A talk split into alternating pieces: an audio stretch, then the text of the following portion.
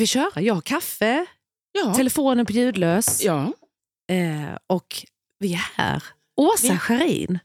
Och Helene Wish Persson. Och vi har ju setts förut i många sammanhang. Mm. Men att sitta så här mitt emot varandra och göra vårt livs första podd, Ja. det är ju någonting alldeles nytt. ja, det är det. Och som vi har längtat. Verkligen. Mm. Och jag har ju en eh, känsla av att det här kommer kunna bli världens längsta podd. För vi har så mycket att prata om. Alltså när man ger sig på att göra en podd som ska handla om livet och döden så finns det ju oändligt många vinklingar på det här. Mm. Och vi ska hålla på i, har vi sagt, 30-40 minuter. Ja, något sånt. Men det, det, man vet inte, det kan bli timmar och sånt. Men, eh, Men du ska det sätta bli... på en tidtagare kanske? Ja, gör det. Så vi vet liksom vad, vad vi pratar om Ja, i tid. där vi får, för ibland just det här med att hålla tyst, det är så svårt. Du Åsa, vi har ju valt att kalla vår podd för En hyllning till livet. Varför då? Därför att det är ju faktiskt på det sättet att vi alla, oavsett hur länge vi lever, så är det bara en enda dag vi dör. Allt annat som vi gör innan dess, det är ju livet och det är ju därför vi är här. För att hylla det. Exakt. Och göra det absolut bästa av de dagarna vi har, Mm. allihopa. Och det ska vi prata jättemycket om. Det ska vi göra idag. Och vi har ju också en mängd olika eh, högar av idéer för vår podd framgent. Det kan vi återkomma lite till. Men jag tänker för dig som sitter och lyssnar nu. Eh, du, jag vet ju inte när, när du lyssnar. Det kan ju vara om en månad, eller om två månader eller om ett år. Mm. Men om vi ska ge någon slags begriplighet till vad du och jag är i livet just nu så är vi i Hässleholm. En solig dag i mars. Ja. Men kanske inte så soligt några mil ifrån oss.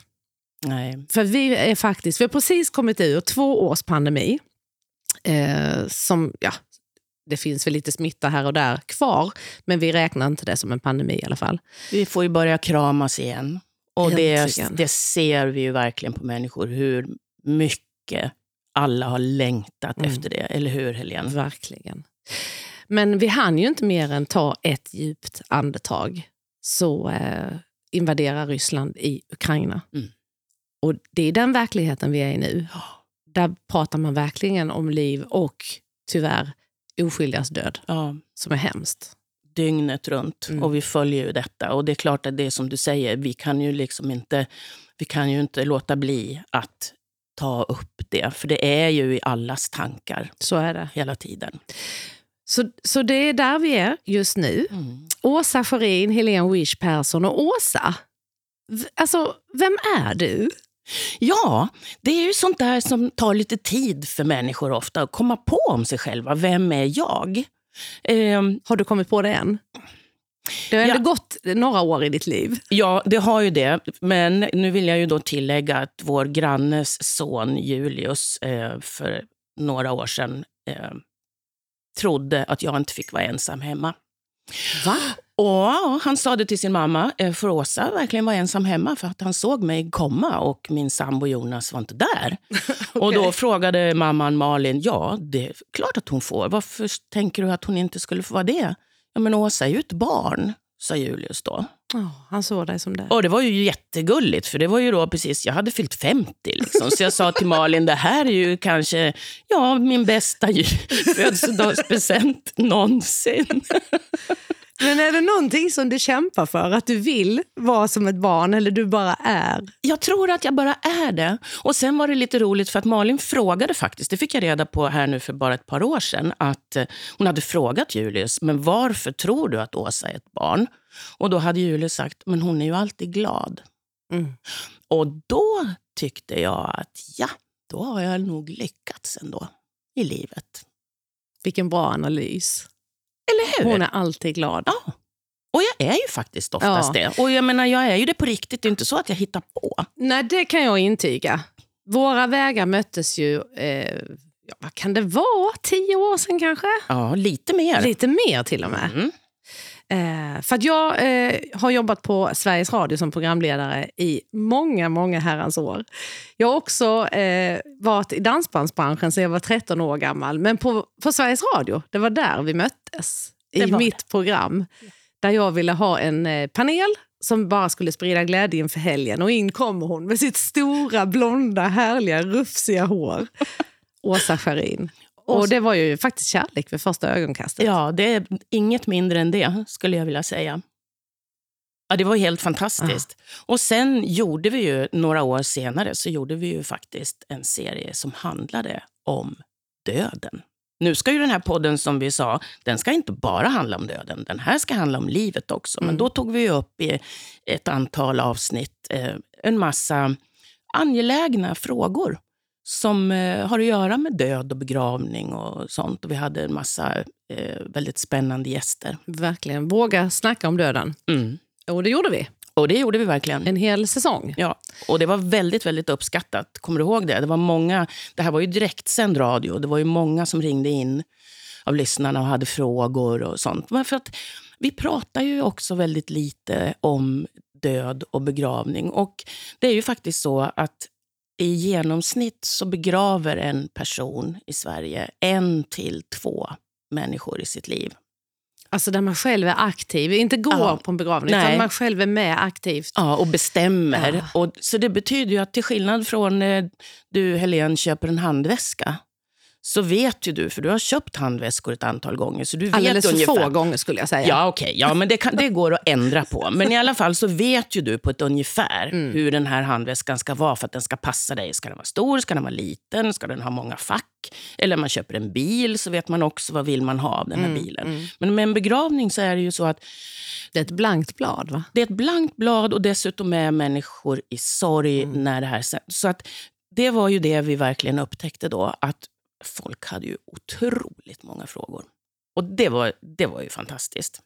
Och det är ju också en av anledningarna till att vi sitter här idag med vår podd. Men Åsa Farin och Helene Wish Persson, vi möttes alltså för ja, kanske knappt 15 år sedan. Då. Ja, skulle nog... Du har ett förflutet i tidningsbranschen. Ja, Ska man kalla dig skribent? Eller vad ska man kalla ja, dig det kan man nog göra. Jag är ju, det är som jag brukar säga, jag håller ju på med ord. Alltså Antingen skriver jag dem eller så pratar jag. Det finns vissa som tycker att jag kanske pratar lite mycket ibland, men det har jag själv aldrig lagt märke till. Nej. Nej, så jag har ju varit... Jag började faktiskt i, i bokbranschen eh, och eh, var på eh, det som då hette ICA Bokförlag. Det var Sveriges största fackbokförlag gav ut vet du, kokboken och sju ah, sorters kakor. Oj, oj, oj, och, ja, ja, ja. och massor med såna här trädgårdshandböcker och annat sånt. Och Sen blev jag marknadschef för ICA-Kuriren. Och sen eh, så började mitt riktiga skribentjobb kan man säga. För att jag, jag upp mig där. Jag, alltså jag passade liksom inte riktigt innanför ramar. Jag och passade inte innanför ramar. Innanför kontorsväggar? Ja, nej precis. Nej. Jag, ville, jag, jag, hade några mål där när jag slutade eh, som anställd. Och Det var att jag eh, skulle få bara jobba med såna jag tyckte om. För det kan du som anställd kan du inte välja det. Och sen skulle jag få sova tills jag vaknade av mig själv. Och det gick ju bra eftersom jag inte sov. Exakt. Ja, så det, det blev bra. Och så på den vägen så träffades ju vi då. Ja, det gjorde vi. I radion. Ja. I radiovärlden. Ja. Men sen träffas vi också utanför nu för att vi kan ju inte riktigt vara ifrån varandra. Det går inte. Det, är, det finns, det är, det helt omöjligt. Det är det vi jobbar med. Ja, exakt. Men det är nu du ska fråga mig vad, vad jag har gjort i mitt liv, Åsa. Helene, mm. vad har du gjort i ditt liv? Det, jag är så nyfiken på det. Ja, men det är så himla mycket och jag började så tidigt. Och för mig har orden också varit viktiga, men jag har skrivit ner dem tillsammans med musik. Så det har blivit låttexter. Det var jag jättebra på när jag var yngre. Jag skrev mycket musik. Och det är jag jättedålig på nu. Men det kanske är något att ändra på? Ja, för eh, jag har skrivit en hel del låtar, men eh, det var ett tag sedan. Men eh, jag, jag har i alla fall en stor, en stor fot, båda fötterna och framförallt hela hjärtat i musikvärlden och i musikbranschen. Jag älskar det. Det är det som det är liksom mitt, mitt elixir. Och musik. där, du har ju, får man ju säga, kommit tillbaka till det nu. Mm. Eller hur? För att man, får lite, man frigör sig tid. Mm, just det. För att, eh, samtidigt som jag hade min dansbandskarriär så började jag också jobba på eh, Sveriges Radio. Och det är ju två stora ämbeten som ska få plats. 24 timmar, man har inte mer. Nej. Eh, sen kände jag efter 25 år att nu ska jag kanske också gå upp lite när jag själv vill. Och eh, ja, men som du säger, eh, simma i de vattnen där man får mycket energi. Och eh, framförallt kunna få mer tid till musiken. Och det har du ju verkligen nu. Ja. Det är så spännande. Så där någonstans eh, har du mig. Mm. Eh, två barn har jag. Och en eh, sambo, höll jag på att säga. Ni har ju faktiskt gift Ja, er. jag glömde ju det. Vi, nej, det glömde jag inte. Vi gifte oss faktiskt för två år sedan. Mm. Så att, eh, och bonusbarn. Och bonusbarnbarn. Där, Till och med. där är jag i livet. Ja. Hur ser ditt eh, privata liv ut? Mitt privata liv eh, består av eh, min sambo eh, och hans barn Mm. som idag är vuxna. Som då är ja, bonusbarn. Väldigt härliga. Vilka perspektiv vi har bara i det. Ja, Att eh, du har inga barn och jag har barn. Det skulle man kunna prata fem poddar om bara det. ja du- det skulle vi faktiskt. Därför att det var ju nämligen så att det här var ju ett aktivt val eh, för min del, att inte skaffa några barn. Mm. Och eh, eh, alla som har valt den vägen vet ju att det, man kan mötas av ganska massivt motstånd. Många vill liksom, de kan inte förstå det. Och Hur de många blir, frågor har du fått på det? Ja, eller hur? Och liksom blir provocerade av sånt också. Och jag hade en stor påhejare i detta beslut. Mhm. Det var min mamma. Hon sa så här, jag förstår precis. Jag hade gjort exakt samma sak. Hur gammal säkert. var du när hon sa det? Hur tog du det? Ja, jag sa tack, tror jag. Så jag. Amen. Ja, det var roligt. Tog du illa vid dig? Nej, det gjorde jag inte för att jag vet att hon älskade mig och min bror över allt annat. Så jag gjorde inte det. Men det var väl också en generationsgrej. För jag vet att min mamma väldigt gärna hade velat... Alltså hon tyckte om att jobba och det fick hon ju ge upp då på den tiden. Liksom. Ja, men det där, var, ja, alltså det, det hade jag en diskussion eh, med min man i morse. Att va, vad är, varför är det så här himla konstigt upplagt att vi föds och sen ska vi vara barn och leka av oss. Och sen ska vi in i de här skolfacken och vi ska börja prestera och vi ska eh, förverkliga oss själva och satsa på våra karriärer. Samtidigt som vår kropp och vår fysik säger till oss kvinnor då, skaffa nu barn. För att det är nu du kommer att orka och ha sömnlösa nätter och småbarnsföräldratiden. Men det är liksom två väldigt stora saker som ska hända samtidigt. Mm. Alltså typ mellan 25 och 35 där. Alltså jag undrar ibland hur man fixade det. Ärligt. det tror jag väldigt många undrar när de ser på det i efterhand. Men, men det är väl, antar jag, ett kaos. Ja, men det hade varit bättre att först satsa på karriären och få ihop sin ekonomi och känna sig trygg och sen skaffade man eh, barn. Men då är man ju kanske över 40 och då har en annan klocka börjat ticka. Exakt, och då orkar man väl kanske inte lika mycket heller. Nej, och dessutom har du ungarna hemma till du ska gå i pension och det är väl ingen som vill för då vill man ju ha härlig tid och liksom dricka champagne och leva livets glada dagar. Hela tiden. flytt. Jag tycker det är ett konstigt system. Det är ett konstigt system. Det, det är mycket, mycket möjligt att vi kommer komma tillbaka även till denna fråga genom podden som då, som ju säkert alla har förstått, kommer kunna bli exakt hur lång som helst. Så är det ju. Eh, vi har ju tänkt eh, att vi ska prata om många olika saker i det här. Eh, men bland annat så... För vi vet att vi ska dö. Ja, alltså jag har ju egentligen velat tro att jag just skulle slippa. Men eh, ja, jo. Det, Du har börjat ändå ja. och, och inse att inte ens du, Åsa, nej, kommer att slippa. nej, exakt. Men om man då är en kontrollmänniska som jag så är det ju också väldigt läskigt att inte veta när saker och ting sker. Ja. Samtidigt är det väldigt skönt att inte veta när. Ja, det är det. Och just för att vi inte vet när, så är det ju så här, och det, det här är ju mitt motto i livet, att lev som om varje dag vore den sista. Och jag lovar dig, Helene Wish Persson, att det gör jag. För att jag har lovat mig själv att jag ska inte dö på en tråkig dag. Men hur, alltså hur gör man det? För att alla dagar är ju inte roliga, Åsa. Ja, men då får man göra dem roliga. Hur? Ja, men alltså ta nu till exempel bara, nu, nu behöver vi inte gå in i det så himla mycket, men i somras då så hade vi, det var någon eh, mm, ja, neddrogad man som kom och kastade in en sten genom vår terrassdörr i glas då. Så det kraschade och, och vi ringde polisen och det kom tre polisbilar och så eh, förhörde de oss. Och jag såg den här mannen stå i trädgården då i början.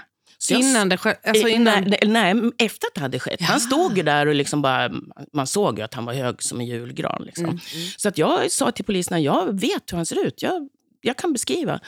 Eh, och så förde de oss och så stack de iväg. Och så kommer det en av polisbilarna tillbaka efter en stund och säger, vi har hittat honom. Eh, skulle du kunna identifiera honom om du såg honom? Mm. Jajamän, sa jag. Hoppa in i bilen, sa den kvinnliga polisen.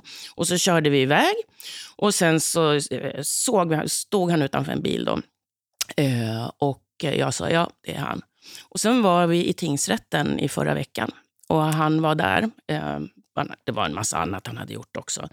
Och då sa jag där i rätten att det enda roliga med den här situationen var att jag har fått åka polisbil. Vilket såklart gjorde att Sa domaren... du bröt- det där inför alla? Ja, så domaren hon bröt ihop av skratt Mm. och likaså åklagaren. Och till och med sa min sambo som satt bredvid, till och med han som hade gjort det började skratta. Och då är det ju så här, du vet, when life serves you lemon, make lemonade. Mm. Det var elände det här. Alltså, vi hade trasigt fönster i fyra månader med sån här tejp på. Och jag bara tänkte, jag har fått åka polisbil. Jag har fått åka polisbil. Det är hur du vänder det, liksom, Ja, det jobbiga till någonting positivt ändå. och det kan man faktiskt lära sig. Kan man träna och bli bättre på det? Jag är övertygad om Alltså att man kan träna. att du också känner det så att du inte tänker här, men jag, nu låtsas jag. Åh vad jag låtsas att det är roligt idag. Mm. Ja. Men att det faktiskt också känns. Ja, och, det, och jag tror att ja, det är verkligen en träningssak. Jag hörde min sambo, han är inte riktigt så här lagd. Eh, men han sa faktiskt häromdagen när han stod i duschen. Tänk att jag kan stå här hemma i en varm dusch. Och så tänker jag på hur människorna har det nu i Ukraina. Mm. Hur rädda de är. Och det är liksom bomber och... Ja. Och då blir ju till och med en morgondusch plötsligt värd så mycket. Verkligen. Är du med? Ja, oh ja. Och jag ser ju också att, för jag lever ju med en man som är precis som du. Och det finns också någon mening att din sambo är som han är och, min, och att jag är som jag är. Att man söker sig till någon som kanske kan lyfta en ibland. Mm. Sen behöver de ju också mig, eller han behöver ju mig av andra skäl. Ja, det är klart. Strukturerade. Wish Persson. Mm. Mm. Nej, men det är ju härligt att du försöker verkligen och försöker få varje dag liksom till någonting eh, positivt. Men där tycker jag också med dig, Helene. Du och jag har ju pratat om det här genom våra år som vänner. Och du är ju så duktig på att ta till dig den Mm. här typen av tankar, Ja, det är jag. tycker jag. Mm. Eh, och att du verkligen Tack, funderar. Åsa. Ja, men alltså det menar jag. För det är inte många som gör det. Eller många ska jag kanske inte säga, men det är inte alla som gör det. Utan de bara tänker, vad pratar hon om Mm. egentligen? Men du, du tänker efter och tar till dig det här. Ja, men det känns frigörande tycker jag på något sätt. Mm. Eh, Jag gillar det. För det här är ju så stort det vi ska prata om. Alltså just att vi, ska, vi vet att vi ska dö, men dessförinnan så ska vi leva livet fullt ut. Ja. Eh, och det hade vi ju också en diskussion om hemma i morse. Vad är fullt ut? Ja, men det beror ju vem du pratar med såklart. För vi är ju så olika. Och jag kan känna, ju äldre jag har blivit, att jag är på en plats när jag... Ja, men nästa gång jag nollar så är det ju 60. Fast det är ju väldigt länge dit. Oerhört länge. oerhört länge dit. Men så känner man att åh, vad jag vill hinna mycket tillsammans med den här personen som jag har valt att leva med. Eh, och barnen blir större och liksom...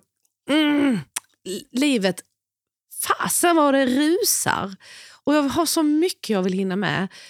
Samtidigt så kan jag känna att man kanske blir lite stressad i den maximera-tanken. Förstår du vad jag menar? Jag förstår precis vad du menar och jag tänker att du kanske skulle försöka släppa lite av dem, det här att man måste hinna så mycket. Därför att återigen på temat att man kan göra varje liten enskild dag hemma Mm. till någonting speciellt. Det kan vara, som jag brukar säga, öppna en flaska rosévin en tisdag kväll och njut av den. Och säg det också, det är helt fantastiskt att vi kan göra det här.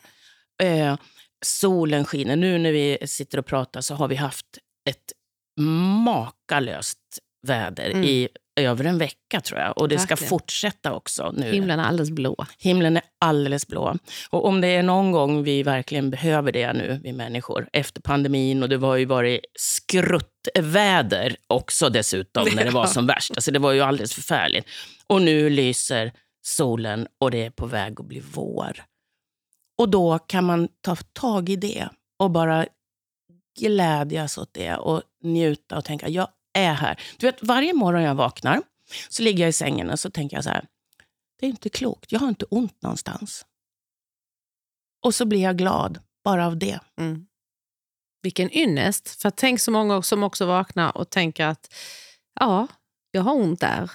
Eller ja, men jag, jag är rullstolsburen, jag har inga ben som bär mig. Men att de här personerna ändå ska vända det till någonting positivt. Ja. Det är ju en längre resa. Så det. det, vi har så otroligt mycket att vara tacksamma för. Men det tror jag man har oavsett var man är i livet kanske. Absolut. Förutom kanske mitt i bombhavet just nu. Ja. Då är det väl kanske gäller att fly Mm. så fort man bara kan. ja, och det är där också jag kommer tillbaka till det här att om, om det verkligen... Ja, men tänk så här, Helene. Att du skulle plötsligt eh, bli sjuk. Mm. Och så skulle du inse hur fantastiskt bra ditt liv hade varit innan dess. Mm. Och sen i nästa sekund skulle du inse, och jag kände inte tacksamhet för det. Kan du föreställa dig någonting värre? Egentligen. Nej. Alltså, det, är ju, det är ju det här. Va? Vi vet, ingen av oss vet vad vi har framför oss. Vi vet vad vi har idag och vad vi har haft. Och det, det är nog en av mina största fasor, just det att, att en dag kanske då har tvingats... Så kommer det inte bli för mig, för att jag är så tacksam hela tiden. Men just det här, tänk, jag hade allt det här och jag uppskattade inte det. Men jag, jag kan ju också känna, eh, ju äldre vi har blivit så har man ju också fått genomgå sorg. Eh, Jag har ju dock mina båda föräldrar kvar. Här har vi också någonting, du och jag skiljer oss åt. Mm. Du har inte det. Och det tror jag gör också en väldigt, väldigt stor skillnad. Hur, hur det är att få uppleva. Vilket har gjort att jag har sett det på nära håll och jag blir så himla, himla tacksam att de fortfarande är kvar. Pappa är 80, mamma är 77, men de är kvar. Och det är klart att de har sina krämpor hit och dit, men de är kvar. Och där har du ju ett underbart exempel, Helene, på att du tänker precis, att du tänker rätt, att du känner tacksamhet. Min mamma fick ju ALS när hon var eh, 60 år och eh, levde med det i över 25 år. Och det är ju, man brukar ju kalla det här för mänsklighetens absolut grymmaste sjukdom och jag har sett den på väldigt nära håll. Ehm, och eh, det, ja, det, det, det är helt obegripligt egentligen. Men du sa ju det i bilen på väg in, kommer du ihåg det? Att du har liksom fått eh, ha två, två liv, eller två kapitel i din bok så här långt. Mm. Eh, före och efter. Plus att jag någonstans, eh, jag var ju 30 då när mamma blev sjuk. Eh, det tar ju, alltså just den här varianten hon hade, de flesta dör ju inom loppet av ett par, tre år, fem kanske. Mm. 25 är ju extremt länge. kämpar på länge. Ja, och ehm, det här att jag kände, nu har jag inte bara mitt liv jag ska leva. Nu ska jag leva mammas liv också. Hur menar du då? Så jag har fått, gissa vad jag har fått dricka rosévin. och eh, göra resor och umgås med vänner och middagar och dansat. Dansat. Alltså vi var på en... Eh, har till och med varit med en danstävling. åh! Helene! Fick jag inte säga det? Tänk att du kom ihåg Åh, hur skulle det. vi glömma? Och vi vann ju, Dans-Martin och jag. Det är helt underbart. vi får eh, väl bjuda in Dans-Martin i podden du? framöver. Jag Tycker tänker att eh, Dans-Martin är en sån här, han kommer kunna förekomma här som en liten röd tråd. Det är en mycket, mycket speciell, eh, underbar man. Mm. Och han är dessutom, för han har jobbat, nu gör han inte det längre, men han har jobbat på ett demensboende. Och han har berättat för mig, hans erfarenhet är att människor dör på två olika sätt. Antingen dör de med ett leende på läpparna eller så dör de skrikande. Och hans teori är att de som dör skrikande, det är de som inte hann göra det de ville göra. Eller som inte valde att göra det de skulle ha gjort Mm. i livet. Och det här glömmer jag aldrig. Det de skulle ha gjort i livet. Då är vi tillbaka. Hur du fyller ditt liv. Ja, Hur du hyllar ditt liv medan du kan. Eh, pratade också med min man som har varit med i Rotary tidigare och då fick han träffa några gamla rotarianer. Inte för att de kanske satt på ett äldreboende, men typ nästan innan det var dags kanske. Och sa, vad är det du ångrar mest i livet?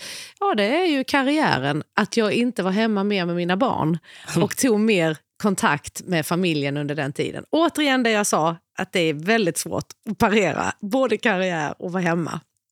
Eh, men eh, det är ett medskick att försöka... eh, Jobbet är inte allt. nej, och det är ju det är som man brukar säga, att det är få människor som ligger på sin dödsbädd och säger åh vad jag ångrar att jag inte tillbringade mer tid på kontoret. Mm. Samtidigt är det många som lever för sina jobb och tycker det är det roligaste som finns. Så det ska man inte heller underskatta. Nej, det ska man inte. Och då är vi ju egentligen tillbaka till där, det som du och jag har pratat mycket om, att det finns ju olika vägar för människor. Alltså, ma- vi vill ju inte samma sak. Nej. Och jag har ju ett sätt för mig själv att eh, komma på om jag gör rätt saker eller inte. Och det är att jag ibland, om jag känner tveksamhet över någonting sånt där som jag ska, man ska säga ja till något uppdrag eller vad det Okej. nu kan vara. Du har fått en fråga Ja, och sen, ja, Mm, och så funderar du. Och så funderar jag, så känner jag, det är inte så att jag säger liksom, tjoho, ja det här vill jag göra. Eh, utan man är tveksam. Och då ställer jag mig frågan, är detta värt priset? Priset i pengar, priset i tid, priset i kärlek, känsla. Ja, allt. exakt. Priset är precis. Pengarna är nog det lilla. För att det, det är väl det som det är lättast att säga ja till om det är mycket pengar involverat. Ja. Och sen så då Kanske lurar man man inte sig. känner med hjärtat i alla fall. Nej, exakt. Men om man ställer den frågan ärligt till sig själv, då får man rätt svar. Och Det har hänt några gånger i mitt liv att jag har gjort saker som inte överhuvudtaget har handlat om pengar. Eh, där jag har tänkt så här, nej, det här är inte min grej. Jag ska inte, vad håller jag på med? Varför är jag här? Och då har jag avbrutit. Det var en blir man- bokklubb till exempel Ja. som jag inte tyckte var speciellt rolig. Ja, vet sånt. Men är det också någonting som kommer att man blir lite klokare och lite snällare mot sig själv ju äldre man blir? För att när man, det kan jag ju känna att, jag ska inte säga man hela tiden för att det här är ju jag. Ja. Men när jag var i 20, 30, 40-årsåldern, då ja, ja, ja, jag tackar ja till allt. Ja, det är klart. Exakt. Och man hade ju orken också att liksom få ihop det på något sätt. Men det var ju inte allt man mådde superbra av. Nej. Och nu blir man lite, nu säger man igen, nu Ja. är jag lite mer eh, generös i, gentemot mig själv Mm. och försöker lyssna in, vad är det jag vill? Mm. Ja, det, Men det är, det är svårt ibland. det är svårt och jag tror att du har en... Jag är en så jätte- jäkla nyfiken också. Ja, men det, ja, och det ska man ju få vara. Eller hur? Men det är ju återigen, är det värt priset? Om det tar för mycket kraft, om det tar för mycket energi, att man känner att nu, ja, nej, nu är det så mycket med det här så då hinner jag inte det här som jag kanske egentligen tycker är viktigare. Det är då frågan blir viktig att ställa sig. Är det värt priset? Man får svar. Mm. Men det, det, Längst inifrån magen. Jajamän, vi är faktiskt ganska kloka inuti. Men du Åsa, jag tänkte på det här med... Eh, vi gör ju den här podden och den kommer ju finnas eh, där poddar finns. Och, och du som lyssnar nu har ju hittat den såklart. Mm. Kanske på SPFs eh, hemsida. Ja, på hemsidan eller att- på eh, Facebook. Hur En hyllning till livet till exempel. Just det. Ja. Men hur hamnade vi här? Alltså den här historien tycker jag ju är jätterolig.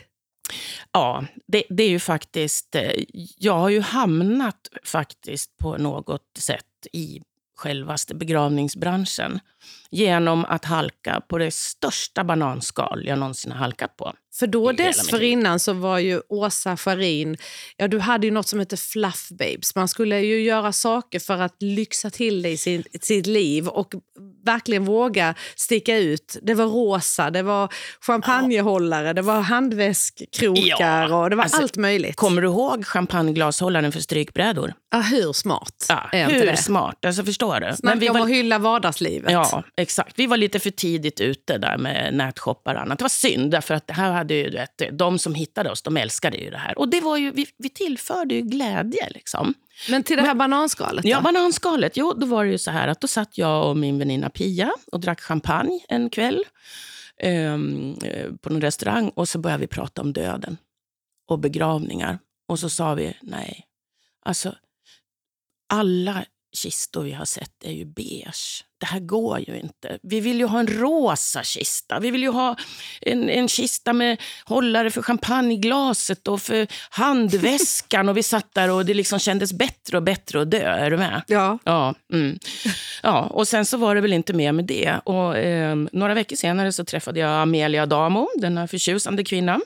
Eh, som jag känner väl sedan många år. Men vi var på någon middag och så frågade hon, vad gör du nu för tiden Åsa? Och så fick jag plötsligt en idé att jag skulle berätta om den här rosa kistan. Och Amelia hon är rolig på det sättet att hon lyssnar bara tills hon inte tycker att det är roligt längre. Så halvvägs in där så hade hon väl börjat tänka på något annat. Så några veckor efter detta då, så ringer hon mig och så säger hon, hörru du, eh, kan du skicka ett foto på den där kistan du har? För jag skriver om den nu i M-magasin. Och du vet, jag bara skrek. Jag tänkte, vad är... Men, och, och, och samtidigt så tänkte man, du vet, all PR är ju bra PR, tänkte jag. Så jag, Men, jag men den fanns inte egentligen? Nej, det fanns absolut inte. Bara i våra eh, högst välmenande tankar.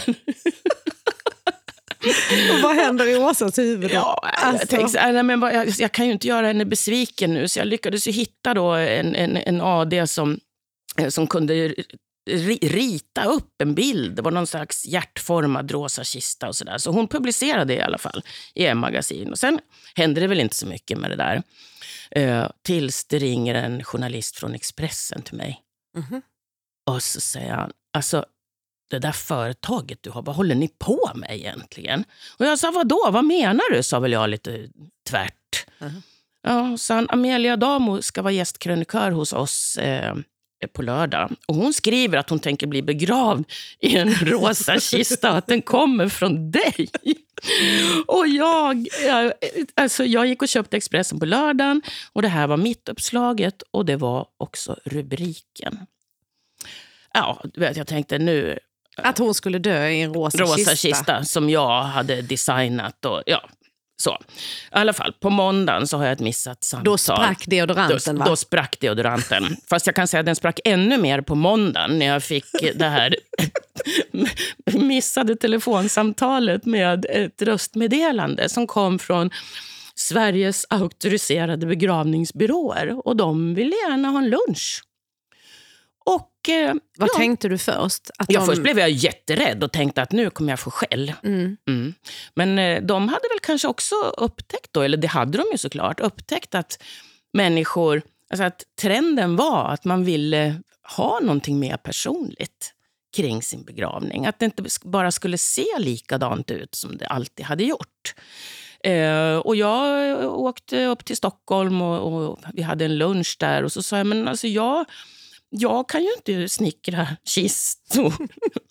Och då sa de, det gör ingenting därför att det finns en utomordentlig kistfabrik i Nybro.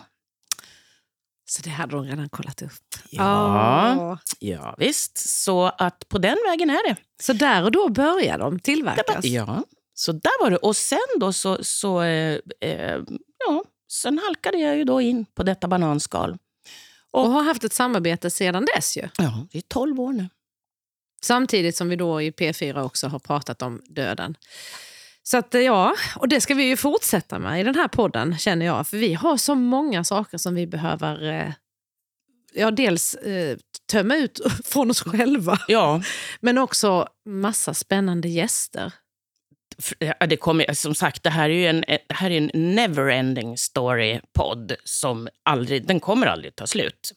För att eh, vi har massor som du säger. Mm. Och jag menar, Sen har vi ju det här också att jag kommer att praoa hos ärkeängeln Gabriel när jag dör. Just det. Mm. Det är ju en väldigt viktig det, sak. Ja jag har ju inte alls samma vision, så, så det, men det gör inget va? Det, nej, det är helt okej. Okay. Men det är ju bra om man har en, en tanke.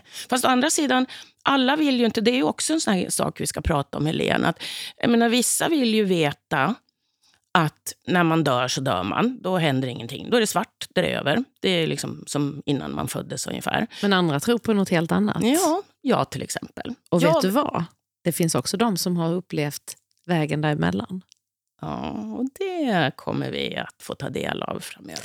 Och det värsta och jobbigaste av allt, vi kommer ju också såklart att prata med någon som har mist en väldigt nära familjemedlem, barn. Mm. Eh, och eh, ja, det kan vara man, sambo, eh, kvinna. Ja. Oavsett. Mm. Så eh, vi kommer att beröra de ämnena också. Eh, men framför allt så ska vi hylla livet. Ja, det ska vi, Helene. Varenda dag. Hur kändes det här då, Åsa? Det här var ju så roligt. Jag känner bara att eh, jag skulle vilja fortsätta en timme till, men vi kanske...